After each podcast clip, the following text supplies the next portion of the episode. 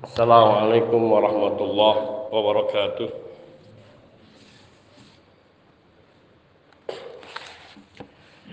Alhamdulillah wahdah Salatu wassalamu ala man la nabiya ba'dah Wa ala alihi wa sahbihi wa mawalah amma ba'd Akhwani fi din azani Allah wa iyyakum jami'a wa rahimani wa rahimakum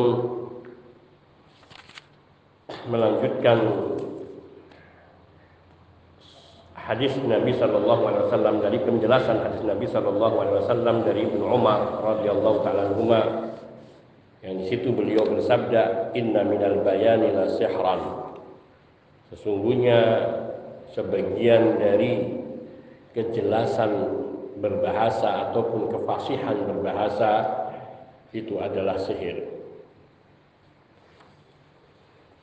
Ucapan Nabi Shallallahu Alaihi Wasallam Inna minal bayani la bahwa sungguhnya di antara perkataan yang indah, ucapan yang fasih, ungkapan yang menyentuh itu adalah sihir.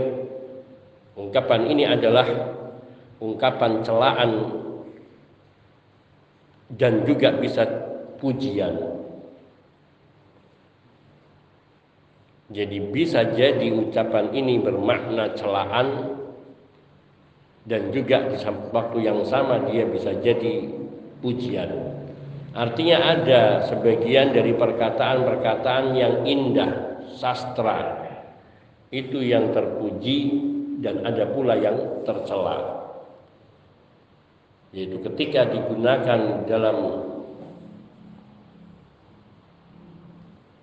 digunakan untuk kepentingan-kepentingan yang haram yang tidak diridai oleh Allah seperti untuk menyesatkan manusia untuk menjumuskan manusia ke dalam perangkapnya maka ini yang berupa celaan bahkan yakni celaan yang sifatnya mengharamkan. Namun bila ungkapan-ungkapan itu untuk menarik seorang kepada agama Allah, mempelajari agama Allah, tertarik untuk semakin meningkatkan ketakwaan dan ketaatannya kepada Allah, tasywiq, maka ini sesuatu yang terpuji. Atau memang untuk menjelaskan tentang keadaan yang nyata dari sesuatu peristiwa kemudian melihat dampak atau hikmah daripada peristiwa itu.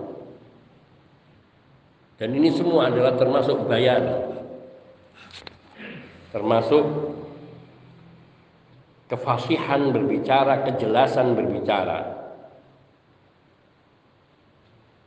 Kalau ada pertanyaan serupa di atas, apakah ini berupa celaan atau pujian atau ia adalah penjelasan terhadap satu kenyataan untuk kemudian dilihat akibatnya maka Syekh Muhammad bin Salah Utsaimin rahimahullah taala beliau mengatakan al akhir wal murad. Fal bayan min haitsu huwa bayan la yumdah alaihi wa la yudam walakin yunzaru ila asari yang lebih tepat yang lebih tepat bahwa ungkapan Nabi inna minal bayani la sihran bukan pujian dan bukan pula celaan. Namun ia adalah penjelasan terhadap suatu peristiwa yang terjadi atau suatu kenyataan. Kemudian untuk dilihat akibatnya. Maka akibatnya inilah yang menentukan bila ungkapan itu mengakibatkan kebaikan maka ia terpuji. Namun bila bahasa yang disampaikan itu mengakibatkan kepada kesesatan, keburukan, maka itulah yang tercela. Ini hanya istilah penggunaan.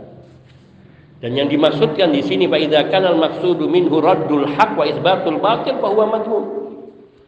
Kalau kepandaian berbahasa, kelia, kelihayan berbicara tujuannya adalah untuk menolak kebenaran dan mengukuhkan kebatilan Maka inilah tadi yang tercela. Karena ia menggunakan kenikmatan Allah di dalam bermaksiat kepada Allah.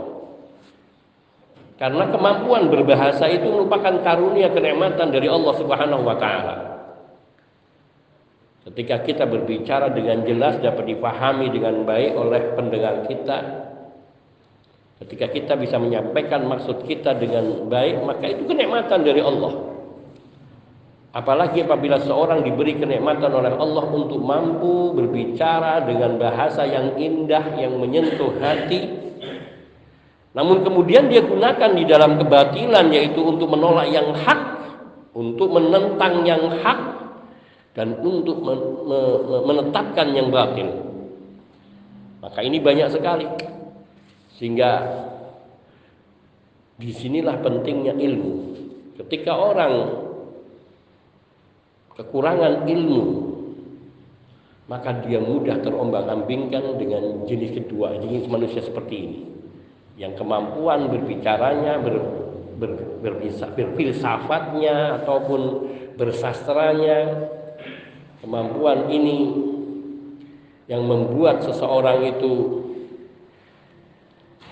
terpengaruh dengan ucapannya dia gunakan di dalam hal yang batin maka ini namanya isti'malu li ni'matin isti'malun li ni'matillah fi ma'siyatih menggunakan kenikmatan Allah dalam bermaksiat kepada Allah. Sebagaimana kenikmatan melihat kenikmatan mendengar maka demikian pula kenikmatan berbicara maka ia dan banyak sekali orang yang sudah mengenal kebenaran namun belum sempurna pengenalannya dan belum mendalam ketika dia bergaul dengan orang-orang yang pandai berbicara, pandai memutarbalikkan fakta berubah. Dia tinggalkan kebenaran itu dan ia ikuti kebatilan. Maka itu hikmahnya mengapa para ulama salaf terdahulu melarang kita duduk di majlisnya ahlu bid'ah. Bukan karena benci kepada mereka semata, namun yang lebih dari itu adalah ketika kita tidak mampu membantah hujah-hujah mereka karena keterbatasan ilmu kita atau karena dangkalnya pengetahuan kita sehingga kita terpengaruh dengan ucapan-ucapannya maka saat itu kita akan menolak semua kebenaran yang sudah datang kepada kita. Sehingga ia akan berbalik menjadi mengikuti kebatilan. Dan ini bukan satu dua yang terjadi. Ada orang yang duduk di majelisnya ulama ahlu sunnah. Dia mendengarkan percakapannya dan dia membenarkan kemudian dia belum siap dengan ilmunya yang masih sangat terbatas ini untuk berdakwah di lingkungan ahlu bid'ah di kalangan orang alimnya. Dalam pengertian alimul lisan. Pandai berbicara. Pandai memutar balikkan fakta. Dia berusaha untuk membantai mereka maka bukan dia dapat mengalahkan mereka, menundukkan mereka, menyadarkan mereka, justru sebaliknya dia yang dipengaruhi. Karena semua pernyataan dia, dia mampu membantah dan berdalil. Tapi cara memahami dalil dan menempatkan dalil yang tidak tepat itu tidak dapat ditangkap oleh orang yang masih ilmunya terbatas. Sehingga semua kebidahan itu kalau mereka sampaikan dalam bentuk hujah, kita akan membenarkan bagi yang kita belum memiliki ilmu yang memadai. Oh, siapa bilang ini tidak boleh? Siapa bilang memperingati Maulid Nabi tidak boleh? Itu fulan, ini fulan, terus ini dalilnya terus ada. Setiap kebidahan itu mereka bukan bukan nggak punya dalil, punya dalil akan tetapi dalil mereka dalilnya sahih bisa jadi atau dalilnya dhaif Sama juga orang yang kita ilmunya terbatas ketika dikemukakan dalil-dalil yang doaif atau yang ma'lul, hadis-hadis ma'lul ini dohirnya hadisnya sahih tapi sebenarnya dia lemah. Dan itu pun para ulama hadis tidak semuanya mampu menelusuri hadis-hadis yang ma'lul. Kecuali mereka yang diberi ketajaman berpikir dan kedalaman ilmu. Sehingga akhirnya dia membenarkan kebatilan. Membenarkan hujah, membenarkan hujah-hujahnya sehingga berbalik sehingga kita tidak heran ada orang yang begitu alim, hafidul Quran, hafidul hadis, namun masih masih memegangi memegangi kebidahan-kebidahan. Karena akal pikirnya termakan dengan logika-logika yang dimasukkan oleh para gurunya. Kecuali orang-orang yang dirahmati oleh Allah. Maka sungguh mengenal sunnah itu hidayah yang termahal, hadiah dari Allah yang termahal. Karena tidak semua orang yang mempelajari agama Allah mereka meraih kebaikan dan kebenaran dari agama itu. Maka kita difahamkan dengan sunnah. Ini adalah sebuah karunia yang besar yang harus kita jaga. Seperti wasiat Allah ya ayyuhalladzina amanu taqullaha haqqa tuqatih wa la tamutunna illa wa antum muslimun. Hai orang-orang yang beriman bertakwalah kalian kepada Allah dengan sebenar-benar takwa dengan sesungguh-sungguh takwa dan jangan kamu mati kecuali dalam keadaan muslim. Pertahankan imanmu, Islammu, tauhidmu, sunnahmu sampai akhir hayat. Itu makna wala tamutunna illa wa antum muslimun. Apa maknanya mempertahankan iman, tauhid, takwa sampai akhir hayat? yaitu terus mempelajari agama Allah, meresapinya, mendalaminya sehingga ia benar-benar menjadi benteng dan menjadi perisai untuk membantah, menolak segala kebatilan dan kebidahan.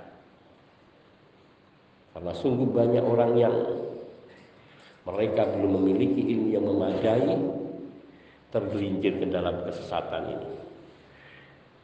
Maka di sini Apabila ia menggunakan kepandaiannya berbicara, kepandaiannya berfasohah, berlogika, bermantik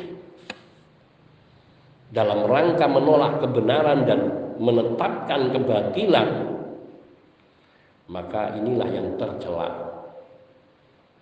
Maka inilah yang tercela karena ia menggunakan nikmat Allah dalam bermaksiat kepadanya.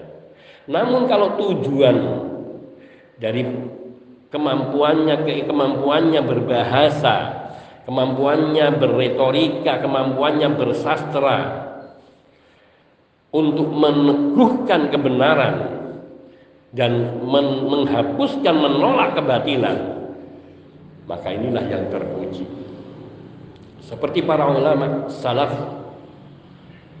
mereka memiliki bait-bait syair pujian kepada Nabi Shallallahu Alaihi Wasallam namun tidak sampai mengkultuskan Nabi. Namun bait-bait syair ini justru mendorong kita untuk semakin mencintai Nabi Shallallahu Alaihi Wasallam dengan cara yang benar. Bukan semata-mata hanya terdorong oleh perasaan dan hawa nafsu mencintai Nabi karena ungkapan-ungkapan yang berlebihan namun mencintai Nabi dengan cara yang benar. Para ulama mereka banyak yang bersyair dan gemar bersyair. Namun isi-isi isi syair-syair mereka ini tentang kebenaran. Dalam rangka mengukuhkan kebenaran dan menolak kebatilan. sehingga ungkapan-ungkapan syairnya penuh dengan makna seperti Asy-Syaikh Nas Asy Abdul Rahman Nasir As-Sa'di rahimahullah. Beliau punya Ibnu Qayyim rahimahullah. Beliau punya banyak bait syair yang di situ isinya kandungan pelajaran agama. Dan banyak para ulama yang menuliskan materi agama baik dalam akidah maupun dalam masalah furu dan masalah akhlak dengan bahasa puitis, dengan syair. Satu karena kemampuan berbahasanya dan tidak semua orang Arab dan tidak semua ulama mampu bersyair. Termasuk saya sendiri pun untuk bisa bersyair jauh. Namun bisa memahami syair itu saja sudah suatu kenikmatan. Karena di dalam bersyair dalam bahasa Arab itu memiliki kaidah yang amat pelik dan rumit bagi orang yang tidak terbiasa. Maka mereka biasanya yang pandai bersyair sudah dibina bahasanya dari dari usia dini. Dari anak masih anak-anak itu sudah diajari terbiasa dengan membaca syair-syair. Syair-syair yang sederhana tentang alam, tentang keindahan. Namun tata bahasanya itu kalau kita dalam bahasa Indonesia tidak memiliki aturan-aturan yang baku dan aturan yang mengikat, sehingga setiap ungkapan bisa kita jadikan puisi. Lihatlah langit mulai meneteskan air matanya, menangisi penduduk bumi yang lalai dengan Tuhannya ini ungkapan bait syair. Namun dalam bahasa Arab lebih tinggi dan lebih sulit lagi.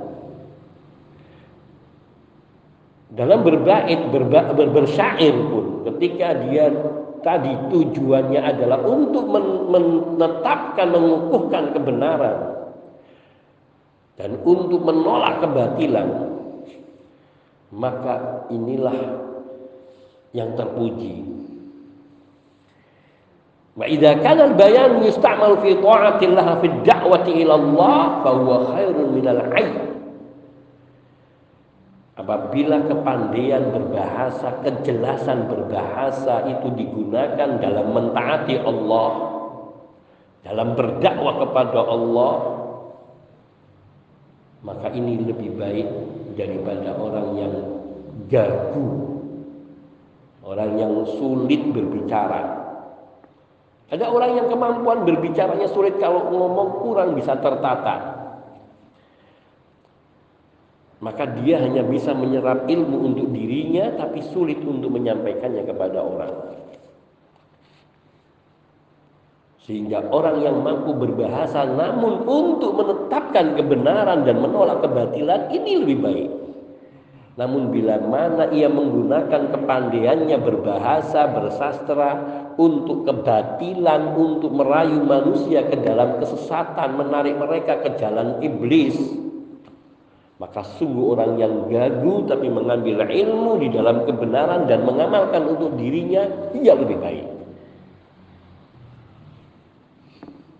Lakin idab tuliyal insanu bibayanin liyasuddan nas an dinillah fahadha la khaira namun apabila manusia ditimpa bencana diuji dengan kepandian berbahasa namun dia gunakan untuk menghalangi manusia dari agama Allah dari mengikuti sunnah Nabi dari mengikuti jejak para salafus saleh.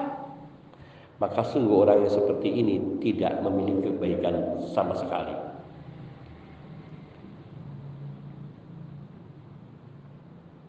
Wal ayyu khairu minhu maka orang yang gagap, yang yang yang sulit berbicara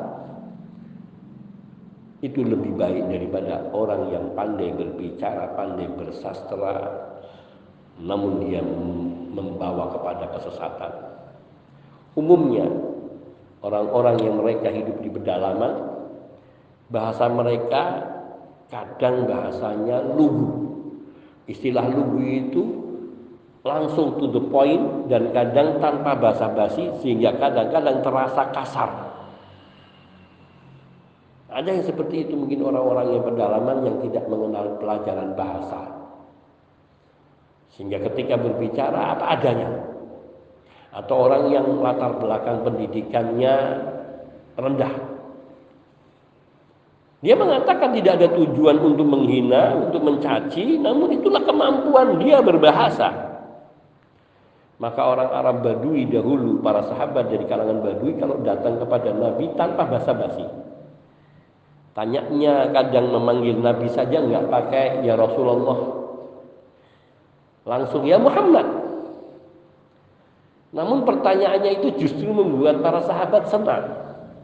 Karena hal-hal yang para sahabat malu menanyakannya kepada Nabi, mereka menanyakannya sehingga Anas bin Malik radhiyallahu taala mengatakan kami sungguh senang kalau pas dalam majlis Nabi ada orang-orang Arab Badui yang kemudian bertanya kepada Nabi. Karena dari situ mereka banyak belajar tentang hal-hal yang mereka merasa malu atau tidak terfikirkan untuk ditanyakan kepada Rasulullah Sallallahu Alaihi Wasallam. Ini kelebihan, masing-masing ada kelebihan. Maka tadi apabila orang itu gagap gagu tidak mampu berbicara dengan fasih, namun dia mengikuti kebenaran dia lebih baik daripada orang yang pandai berbahasa namun dia menggunakannya dalam kebatilan. Oleh karena itu Allah Subhanahu wa taala oleh karena Allah al-bayanu min haitsu wala sya'annahu ni'mah.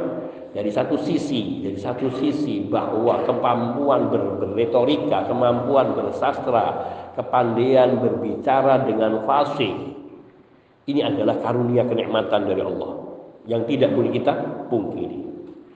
Oleh karena itu Allah Azza wa Jalla memberikan anugerah karunia kepada manusia berupa kepandaian berbicara dengan baik, dengan jelas. Dalam surat Ar-Rahman ayat 4 Allah tabaraka wa taala mengatakan Allamahul bayan. Ar-Rahman khalaqal insan wa 'allamahul bayan. Allamahul bayan dialah Allah yang mengajarkan al-bayan. Khalaqal insan Allah menciptakan manusia wa 'allamahul bayan dan Allah mengajarkan kepada manusia berbicara dengan jelas, berbicara dengan fasih. Maka ini adalah karunia. Sebagaimana Allah mengajarkan manusia dengan pena. Allamal insana mala almal insana bil qalam. Allah yang mengajarkan manusia untuk menggunakan pena. Di sini maka kita bisa melihat bagaimana kekuatan berbahasa dengan pena. Lihat sehingga melahirkan kitab-kitab dari kalangan para ulama yang menjelaskan makna dan maksud daripada firman Allah daripada sabda Nabi Shallallahu Alaihi Wasallam dan kepandaian menulis itu merekam peristiwa-peristiwa yang mereka saksikan di masa mereka hidup bersama para sahabat dan para tabiin. Siap a'lamin nubala kitab yang berjilid-jilid sampai puluhan jilid. 20 atau 30-an lebih. Berkisah tentang biografi para perawi hadis.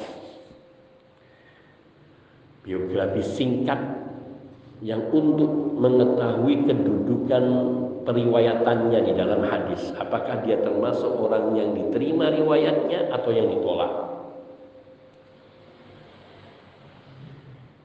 luar biasa. Ini dari satu sisi. Maka sungguh orang yang diberi kemampuan berbicara dengan baik, dengan indah. Seperti yang kita kisahkan, Allah yarhamu, Zainuddin MZ misalnya.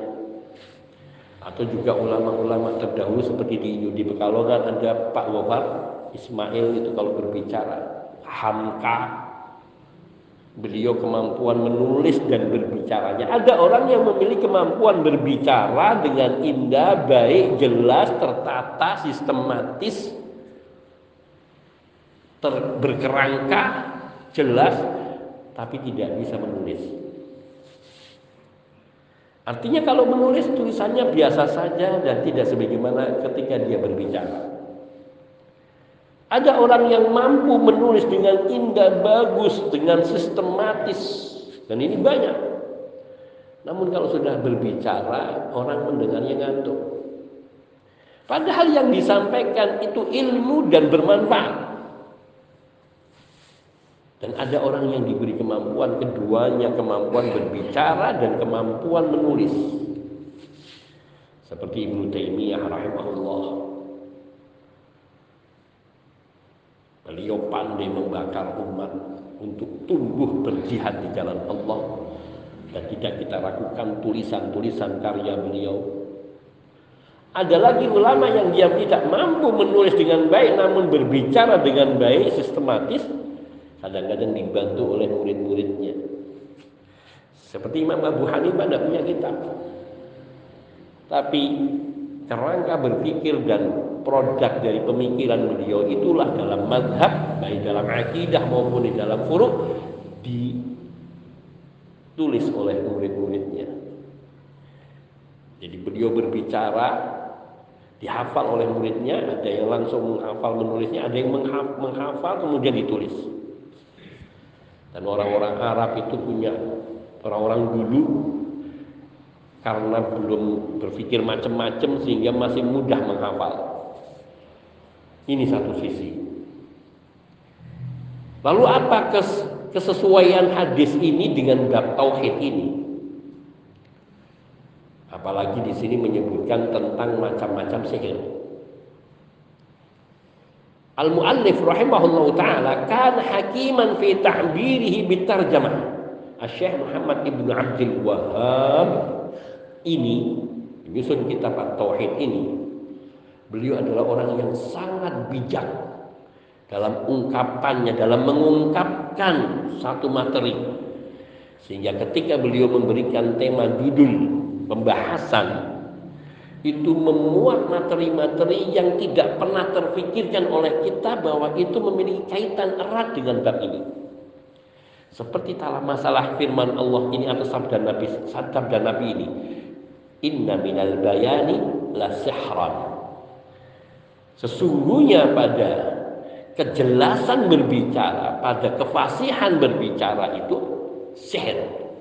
Artinya ada di antara keindahan berbahasa itu yang menjadi sihir. Yaitu ketika orang-orang yang pandai berbicara itu membawa umat kepada kesesatan, maka dia telah menyihir. Dan ini termasuk bab pembagian macam-macam sihir. Atau keterangan penjelasan tentang macam-macam jenis sihir. Meskipun ini bukan sihir yang menyebabkan orang itu langsung syirik, tapi juga kadang ada orang yang sudah sampai dikultuskan sehingga ucapannya seperti firman Tuhan bukan hanya sebatas seperti sabda Nabi, tapi sudah menduduki firman Tuhan. Kita ingin lihat bagaimana orang memprovokasi umatnya untuk membasmi saudaranya hanya karena label Wahabi. Dan ada orang-orang yang terperdaya yang kemudian meragukan apa yang diperintahkan dan dia mulutnya kotor rusak ini suka mengatakan Al-Quran itu tidak menyebutkan Allah itu ada. Dan kalimat-kalimat lainnya yang mengatakan tidak diperlukan agama yang penting akhlaknya baik. Dan itu bukan kosong dipercayai oleh umat sehingga mereka membenarkan ucapannya dan meninggalkan Al-Quran dan Sunnah. Kalau disampaikan ayat suci Al-Quran, apa kata orang ini? Orang yang menyesatkan umat dengan kemampuan berbahasa dan kedudukannya. Bahwa yang mampu memahami Al-Quran itu hanya para ulama. Kalian orang awam itu ikuti saja para ulama kiai-kiai itu. Karena mereka yang ngerti isi Al-Quran. Lihat, halus, lembut, dan meyakinkan. Bagi orang yang awam akan membenarkannya. Kamu tahu apa tentang Al-Quran? Kamu nggak belajar Al-Quran. Sudah percaya saja sama saya yang belajar Al-Quran. Itu ibaratnya seperti itu sehingga seolah-olah membodohkan umat untuk tidak belajar Al-Quran dan tidak percaya Al-Quran karena kemudian ketika mereka berbicara ngawur bertentangan dengan Al-Quran sendiri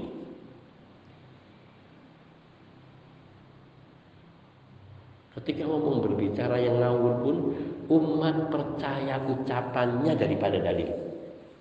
Meskipun itu dalilnya adalah firman Allah. Maka inilah yang kita katakan bahwa ucapannya kadang menduduki posisi firman Tuhan. Diperlakukan seperti itu oleh umat. Maka ini sihir. Memperdaya dan itu menyesatkan tidak hanya sampai kepada syirik kecil, kufur kecil, tapi bahkan kepada syirik akbar. Allah Subhanahu wa taala telah berfirman dan telah dijelaskan di pembahasan yang terdahulu ittakhadhu ahbarahum wa rubbanahum arbaba min dunillahi wal wal masih ibn maryam. Orang-orang ahlul kitab ini baik kaum Yahudi maupun Nasara suka menjadikan pendeta mereka ahli ibadah mereka pendeta mereka ini ahli ibadahnya dan juga ulama-ulamanya sebagai Tuhan-Tuhan lain selain daripada Allah.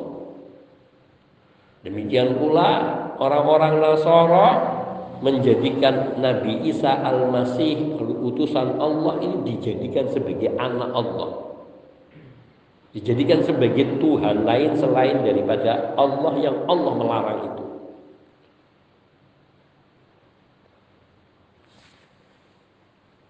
Maka ini bab yang sangat sesuai. Inna minal bayan la sihran dikategorikan sebagai bagian ataupun macam-macam dari sihir. Karena pengaruh dari kemampuan berbahasa itu bisa menyebabkan seseorang mengikutinya sampai mengalahkan Al-Quran was sunnah. Maka di sini beliau mengatakan itu qala babu bayani syai'in min anwa'is sihab bab penjelasan tentang sebagian dari macam-macam atau jenis-jenis sihir. Walam yahkum alaiya bisyai'in dan beliau di sini tidak memberikan hukum secara tertentu. Di anna minha ma huwa syirkun wa minha ma huwa min kabairid dunub. Karena ada di antara sihir itu yang sampai pada tingkatan syirik baik syirik kecil maupun syirik besar dan ada di antara sihir itu yang menjatuhkan kepada perkara dosa besar. Namun tidak sampai syirik. Maka beliau tidak merinci di dalam tema babnya. Wa min haduna bahkan ada yang lebih rendah dari itu yang sifatnya tercela saja atau bahkan tidak. Wa minha ma huwa jaiz yaitu bahkan ada di antara sihir itu yang dibolehkan seperti inna minal bayani la sihran kemampuan berbahasa yang dia gunakan di tempat yang terpuji. Sehingga ia menjadi terpuji pula. Dan boleh. Ala hasabi ma yaksudu bihi wa ala hasabi ta'sirihi wa asari. Yaitu ketika dia menggunakan sesuatu yang dikategorikan sihir namun bukan bukan sihir yang dimaksudkan dengan bantuan syaitan yakni sesuai dengan tujuannya dan bagaimana pengaruh yang timbul daripada sihir yaitu sihir berbahasa. Kemampuan berbahasa yang mempengaruhi orang untuk mempercayai tentang kebenaran yang ada di dalam kitabullah. Orang yang pandai orang yang pandai berbahasa yang fasih berbahasa dan mengerti maksud dari suatu ungkapan karena dia mampu berbahasa dia mempelajari tafsir Al-Quran dan mempelajari hadis dengan syarahnya dari para ulama. Maka ketika dia menjelaskan makna ayat-ayat suci Al-Quran itu akan memberikan penjelasan yang terang, gamblang, jelas dan orang faham. Coba kita baca sendiri tarjamah Al-Quran. Sering kita bingung sering kita tidak paham apa maksudnya ayat ini? Bagaimana dengan ayat ini? Kok kayak bertentangan dengan ayat yang ini? Kok kayak berseberangan?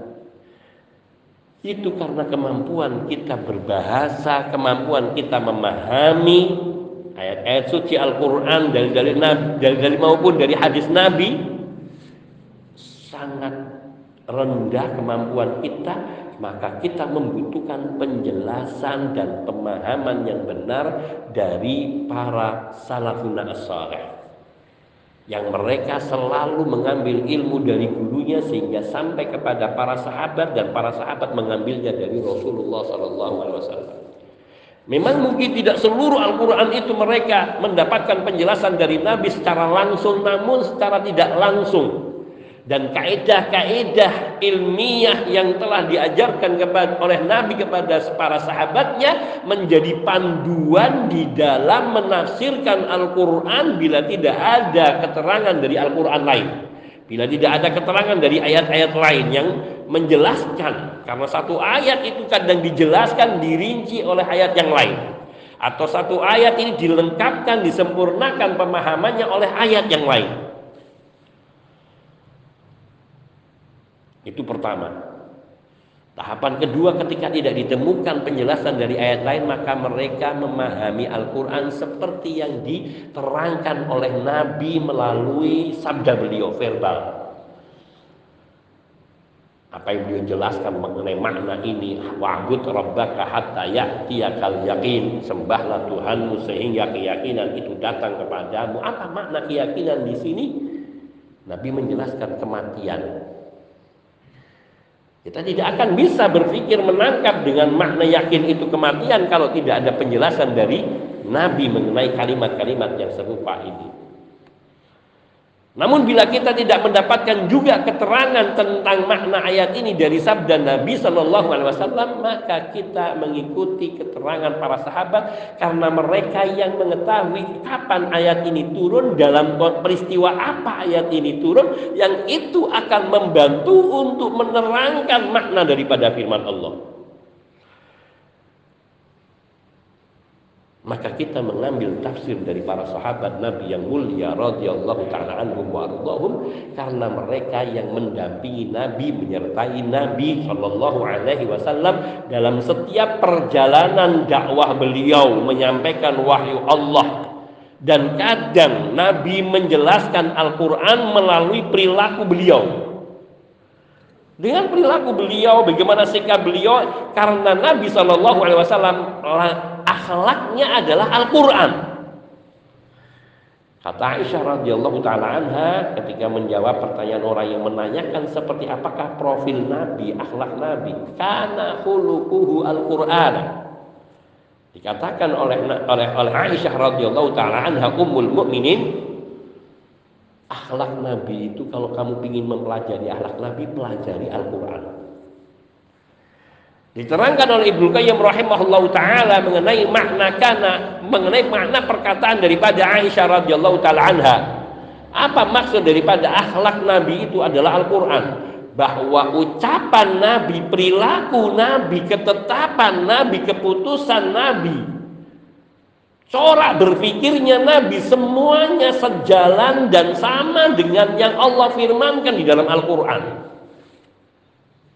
Tidak ada satupun dari tindakan-tindakan Rasul Shallallahu Alaihi Wasallam di dalam menyebarkan agama dan menyampaikan wahyu Allah melainkan semuanya sejalan dengan yang ada di dalam Al-Quran.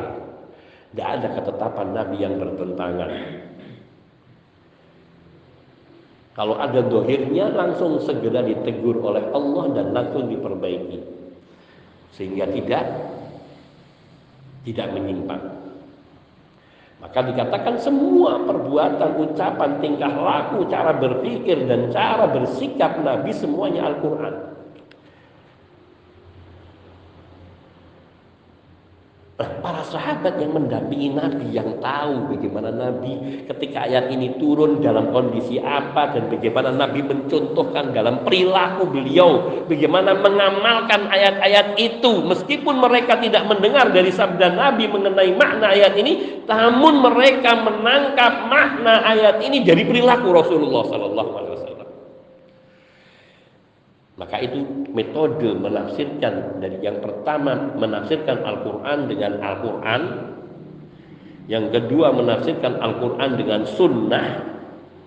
Yang ketiga menafsirkan Al-Quran seperti para sahabat memahami Al-Quran. Dan bila tidak ada keterangan pula dari tiga hal ini maka menafsirkan Al-Quran secara kebahasaan yakni dikembalikan kepada makna bahasa yang berlaku pada masa turunnya Al-Qur'an.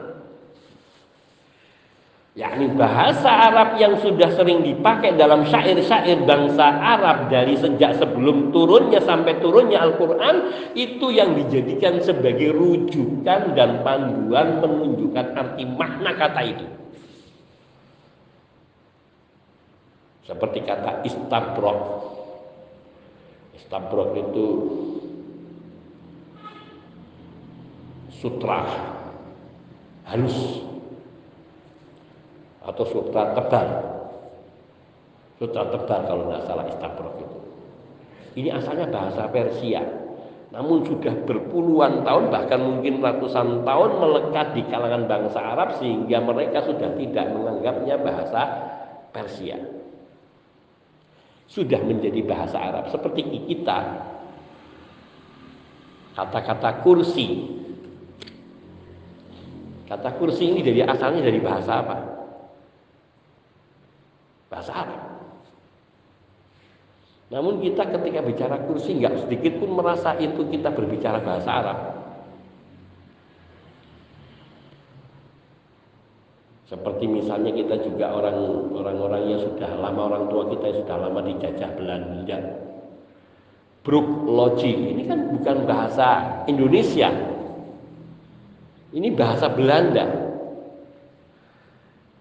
Tapi Orang sudah nggak menganggap bahasa Belanda, menganggapnya ya bahasa Indonesia, logi atau bahasa Jawa bahkan. Skuter itu bahasa Belanda bukan bahasa Indonesia. Nah seperti itu, maka menafsirkan Al-Quran tahapan akhir ketika tidak ditemukan dari ayat sendiri maupun dari sabda Nabi maupun dari keterangan para sahabat maka mengembalikan tafsir dari Al-Quran atau ayat-ayat Al-Quran yang tidak dipahami dengan jelas kepada makna bahasa Arab karena Al-Quran diturunkan dengan bahasa Arab yang fasih.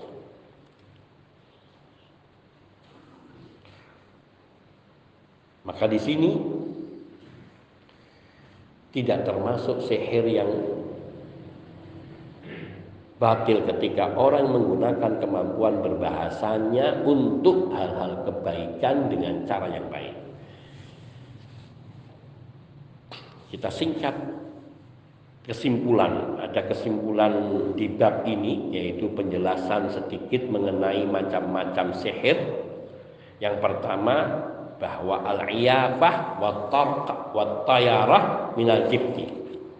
Al-iyafah seperti yang dijelaskan terdahulu yaitu mengusir burung untuk mengetahui kesialan atau keberuntungan. Ini ada burung tengger diusir, syah, ke mana dia terbang?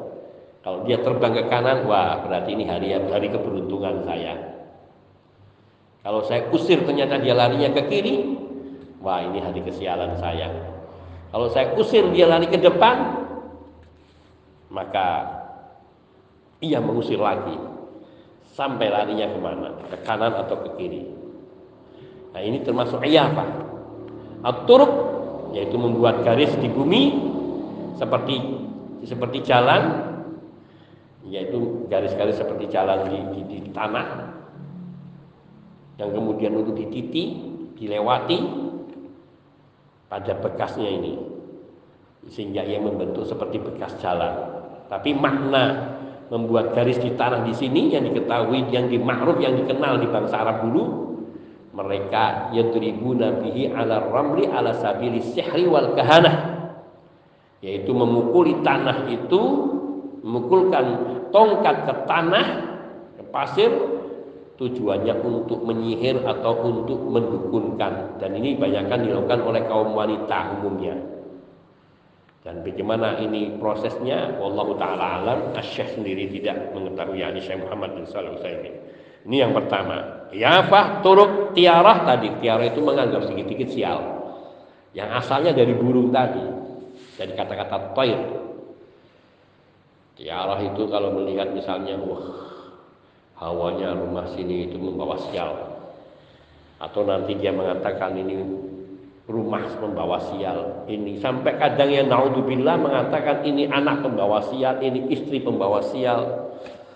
Seperti para nabi pun mereka yang mendakwahkan kebenaran dianggap pembawa sial. Atau yar nabikum. Inna tatayyar nabikum. Sungguh kami menganggap kaulah pembawa sial. Ini al-iyafah wal ini telah dijelaskan terdahulu. Yang kedua, tafsirul iyafa wa turuq waqad bujinat fil babi aidan wa syurihat. Ini juga sudah jelaskan tentang penjelasan iyafah dan tork dan tiarah tadi yang sudah kita jelaskan. Yang ketiga, anna ilman nujum nau'un minas sihr bahwa ilmu perbintangan itu bisa jadi salah satu dari ilmu-ilmu sihir. Yaitu tadi menetapkan bahwa nasib manusia, nasib yang di bumi bergantung dengan keadaan bintang-bintang tertentu atau terjadinya bintang-bintang tertentu. Ini haram dan ini termasuk kesyirikan karena Nabi Shallallahu Alaihi Wasallam bersabda manikta bahasa syu'batan minan nujum maka diketa bahasa syu'batan minas syahri zada ala zada mazada Barang siapa yang mempelajari sebagian cabang daripada perbintangan, sebagian cabang, Bukan semua ilmu perbintangan. Ada yang perbintangan mubah dan ada yang haram. Barang siapa yang, yang dimasukkan di sini yang haram. Barang siapa yang mempelajari sebagian dari cabang ilmu perbintangan, maka sungguh ia telah mempelajari sebagian dari cabang ilmu sihir. Semakin banyak dia mempelajari, semakin banyak pula sihir yang dia pelajari. Yang keempat, yaitu al-aqdu ma'an nafsi min darik membuat buhul yang kemudian dimantra-mantrai dan ditiupkan pada buhul. Ini berdasarkan hadis Nabi Shallallahu Alaihi Wasallam yang bersabda man aqada aqdatan man aqada aqdatan atau uqdatan summa nafatha fiha faqad sahara. Barang siapa yang membuat ikatan buhul kemudian dia tiup dengan mantra-mantra maka ia telah berbuat sihir dan ini telah dijelaskan makna sihir seperti yang terdahulu. Yang kelima, anan mata min bahwa namimah Namimah itu mengadu domba termasuk perbuatan sihir. Karena menipu dan memperdaya orang dengan ucapannya. Oh, si fulan kemarin ngomongin kamu kalau kamu itu begini begini begini. Dia cerita sama saya banyak ini. Terpengaruh dia. Terperdaya dengan ucapannya sialan selama ini saya perbaik, saya ajak baik, gini kok ngucapin gitu. Saya juga tahu dia itu juga begini sampai lagi ke sana. Oh katanya si Fulan, engkau ini suka gini, gini, gini, gini, gini. Oh memang ah, menyebabkan permusuhan dan ini termasuk sihir. Namimah. Berdasarkan hadis Nabi berkata berdasarkan hadis yang Ibnu Mas'ud radhiyallahu taala yang mengatakan ala hal unabbiukum mal Maukah aku ketahuilah, maukah aku beritahukan kepadamu, kata Nabi, mal adhu apa itu al adah? Al adah di sini adalah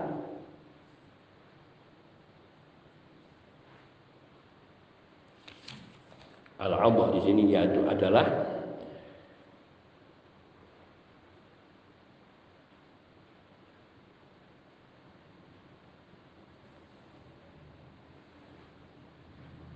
al an-namimah. Al-adhah itu sendiri adalah an-namimah dijelaskan oleh Nabi. Dia an-namimah. Maukah kamu aku beritahukan apa itu al-adhu? Yaitu an-namimah. Apa itu an-namimah? Nabi jelaskan lagi al-qalatu bainan nas menebarkan perkataan-perkataan yang bisa menimbulkan fitnah kepada manusia. Yaitu mengadu domba. Ini dasarnya. Dan ini termasuk perbuatan sihir mengadu domba itu. Karena karena perbuatan ini bisa menimbulkan seperti yang dilakukan seorang penyihir kepada yang disihir yaitu memecah belah manusia. Membuat pertikaian di tengah manusia kaum muslimin. Ini juga setelah dijelaskan. Yang keenam anna min dalika ba'dal fasahati. Bahwa sebagian dari kemampuan berbicara atau termasuk termasuk di antara sihir itu adalah sebagian dari kepandaian berbicara. Termasuk dalam kategori sihir yaitu ada pada sebagian bukan semua sebagian dari kemampuan bersastra ber, berbicara secara fasih. Anna min dalika imina sihr ba'dal fasahah Berdasarkan sabda Nabi Shallallahu Alaihi Wasallam yang kita terangkan tadi, Inna minal bayani la sihran. Sesungguhnya pada sebagian kemampuan berbicara fasih itu juga termasuk sihir. Al-Muallif rahimahullah penyusun kitab Tauhid rahimahullah yakni Syekh Muhammad bin Abdul Wahab rahimahullah beliau mengatakan ba'dul fasahati istidlalan biqaulihi sallallahu alaihi wasallam yakni sebagian dari kefasihan ini menunjuk kepada sabda Nabi Shallallahu Alaihi Wasallam Inna minal bayan. Karena kata Inna min karena kata-kata min ini di sini yang dimaksudkan oleh al mualif adalah sebagian bukan keseluruhan bukan penjelasan. Dan termasuk dikategorikannya sihir karena orang yang mendengar bahasa yang indah yang memiliki kejelasan dan ke, kejelasan dan kesusastraannya kadang-kadang telah membuat berpalingnya akal sehatnya sehingga ia mengikuti orang yang mempengaruhi seolah-olah menyihir dengan lidahnya sehingga ada orang yang tadinya malas tapi dibangkitkan semangatnya dimotivasi dengan kepandaian berbicara kepandaian menyusun kata-kata dan kalimat sehingga orang percaya dan mendengarkannya ini semuanya penjelasan tentang bab sebagian daripada yakni penjelasan tentang sebagian atau sesuatu dari macam-macam sihir. Jadi ada yang semua dikategorikan sihir tetapi ada yang sihirnya tingkatannya syirik akbar, ada yang haram dan ada sihir-sihir yang benar. Sehingga seperti perkataan Ibnu Qayyim rahimahullah taala beliau mengatakan bahwa mempelajari Sihir yang halal adalah berbicara tentang bidadari.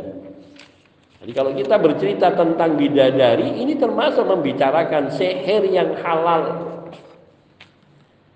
Karena memukau kita, bagaimana tidak pingin kalau diterangkan kita membaca dalam Al-Quran keterangan tentang bidadari-bidadari. Dan naktafi insya Allah kita lanjutkan nanti bab tentang perdukunan dan para dukun dan yang sejenis dengan perdukunan atau para dukun ini.